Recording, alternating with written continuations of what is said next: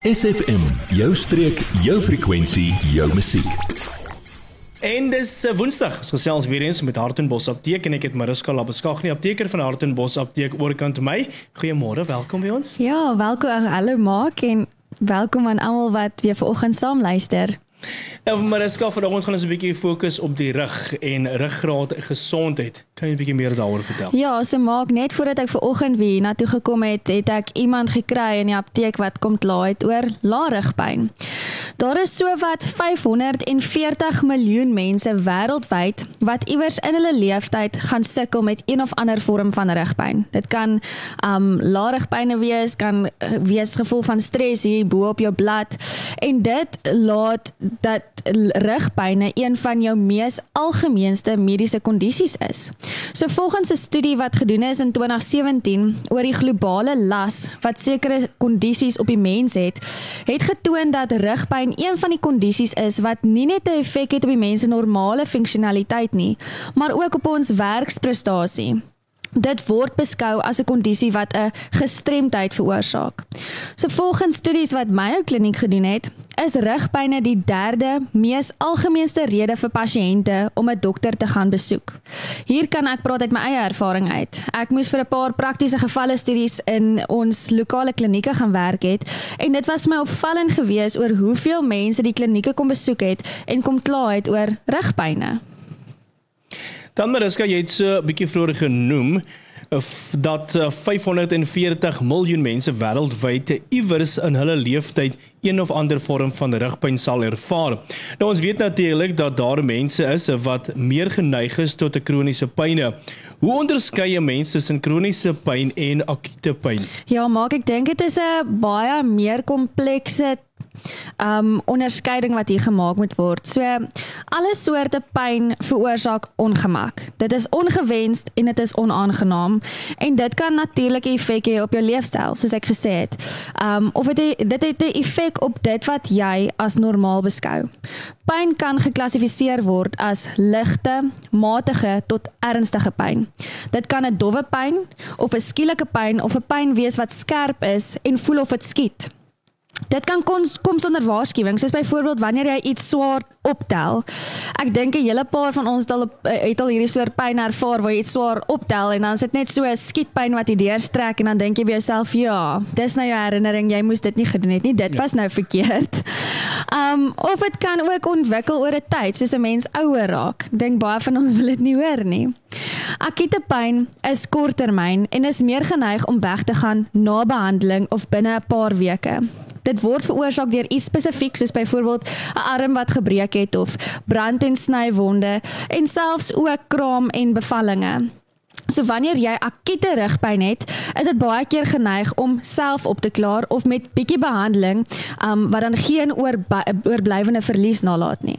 Dan kry jy jou kroniese pyn. Dit is langtermyn en word beskou as die soort pyn wat vir 12 weke of langer aanhou.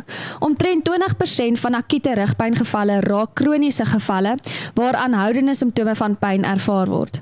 Dit beteken nie noodwendig dat chirurgie behandeling benodig word nie en in sekere gevalle kan medikasie behandeling help om van die pyn ontslae te raak. Word deel van ons Facebookblad vandag nog facebook.com vorentoe skuinstreepie sfm streek. As jy pas ingeskakel het, ek gesels met Mariska Labeskagni apteker van Hartenbos apteek en ons gesels vandag oor rugpynne en 'n paar dinge wat daartoe lei ook. Mariska, Dan is daar ook natuurlik 'n hele paar goeie wat akute en 'n kroniese rugpynne kan veroorsaak. Kan jy ons deur dit vat? Ja, so jy kry aangebore oorsake, soos byvoorbeeld spina bifida. Dit is wanneer die ruggraat nie reg ontwikkel het nie. Dan kry jy ook ehm um, so skoliose. Dit is wanneer die ruggraat 'n abnormale kromming het.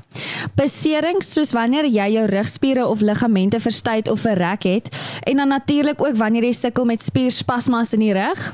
Degeneratiewe oorsake soos artritis en die degenerasie van skuwe tussen jou vertebrae in die rug. Um en dan kan dit ook natuurlik inflammasie in die rug veroorsaak en dan goed soos infeksie wat um osteomelitis veroorsaak. Um en so kan ek nou aangaan. Maar dan kry jy nou ook oorsake wat nie noodwendig is as gevolg van die rug self nie, maar kondisies wat wel, wel rugpynne veroorsaak, soos swangerskap. Hierdie rugpynne is baie meer geneig om weg te gaan na geboorte nierstene. Hierdie rugpynne is skerp en is ook baie keer net aan die een kant van die lyf. En ek dink hierso veral as jy sukkel met laarigpynne en jy is ook meer geneig tot nierstene, um kom apteek toe, gaan na jou dokter toe en gaan vra vir raad. Laat 'n mens 'n diagnose daar kan maak. Fibromialgie, hierdie is 'n kroniese soort pyn wat 'n klomp spiergroepe insluit tumors en dan ook endometriose. Hierdie pyn is as gevolg van endometriële weefsel wat groei en opbou buite die uterus. Dan Mariska, wie is meer geneig tot rugpynne? Watter mense moet meer aandag gee aan hulle rug en ruggraat gesondheid? So, maak volgens twee studies wat gedoen is in Suid-Afrika in verband met akute en kroniese rugpynne, is vrouens baie meer geneig tot rugpynne as mans. So vrouens moet dan bietjie meer aandag gee aan hulle rug en om hulle omliggende spiere wat die rug ondersteun. Dan ook soos ek weer genoem het in 'n bietjie vroeër was ouderdom speel ook 'n groot rol.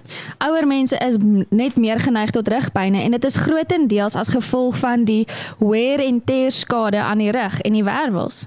Dan mense wat onfiks is of wat geen vorm van oefening aanpak nie, is meer geneig tot rugpynne. Dit is belangrik om oefening deel te maak van jou daaglikse roetine. Om skielik net een keer per week 'n harde oefening in te werk, kan ook rugpyn veroorsaak.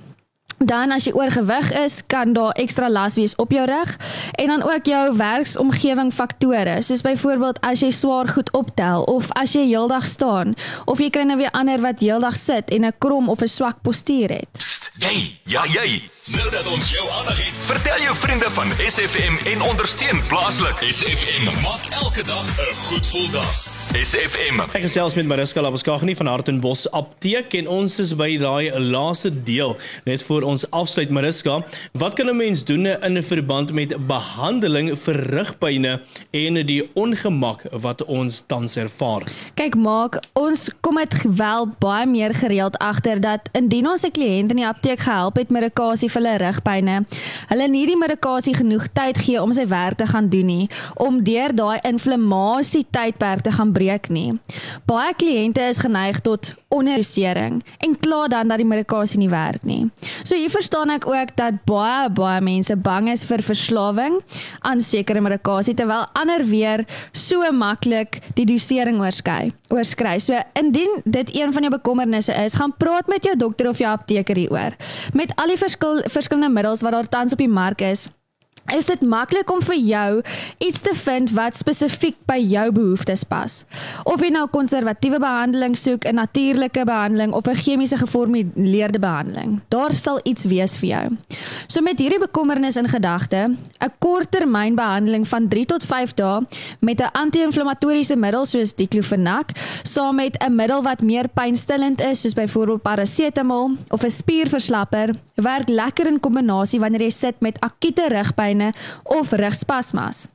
Jy kan selfs 'n lokale anti-inflammatoriese middel aansmeer of opplak op die geaffekteerde area om te help met die pynverligting. En ons moet ook onthou hitte en koue terapie doen wonders. So sit bietjie hitte of koue op die area. Uh dit help lekker met jou behandeling om dit saam te kombineer om die inflammasie dan te breek. Dan is daar ook um jou mediese praktisyne soos fisioterapeute, biokinetikuste en chiropraktisyne waarvan ons kan gebruik maak om ons te help om pyn pyn vry te kom en dan natuurlik ook om die nodige leefstyl aanpassings te maak om ons pyn vry te hou. So my advies sal wees dat jy jou pyn dadelik adresseer met hierdie bogenoemde behandeling. Gaan praat met jou dokter of apteker op om die regte behandeling vir jou te kry sodat ons hierdie spyker op die kop kan slaan. Indien daar nie binne 3 tot 5 dae verbetering is nie, dan kan 'n mens van daar af beweeg en na die volgende behandelingsopsie kyk. Nou ja, daar's heelwat raad wat jy vanoggend gegee het in oorsake van rugpyn of ruggraatprobleme.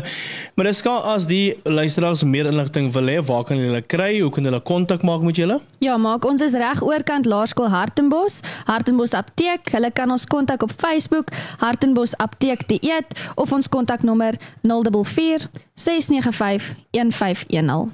Asse, baie dankie vir jou tyd en die inligting en mag jy 'n baie mooi dag hê. Ja, dankie vir jou. Adverteer jou besigheid vandag nog op SFM. Vir meer inligting skakel SFM gerus by 044 801 7811.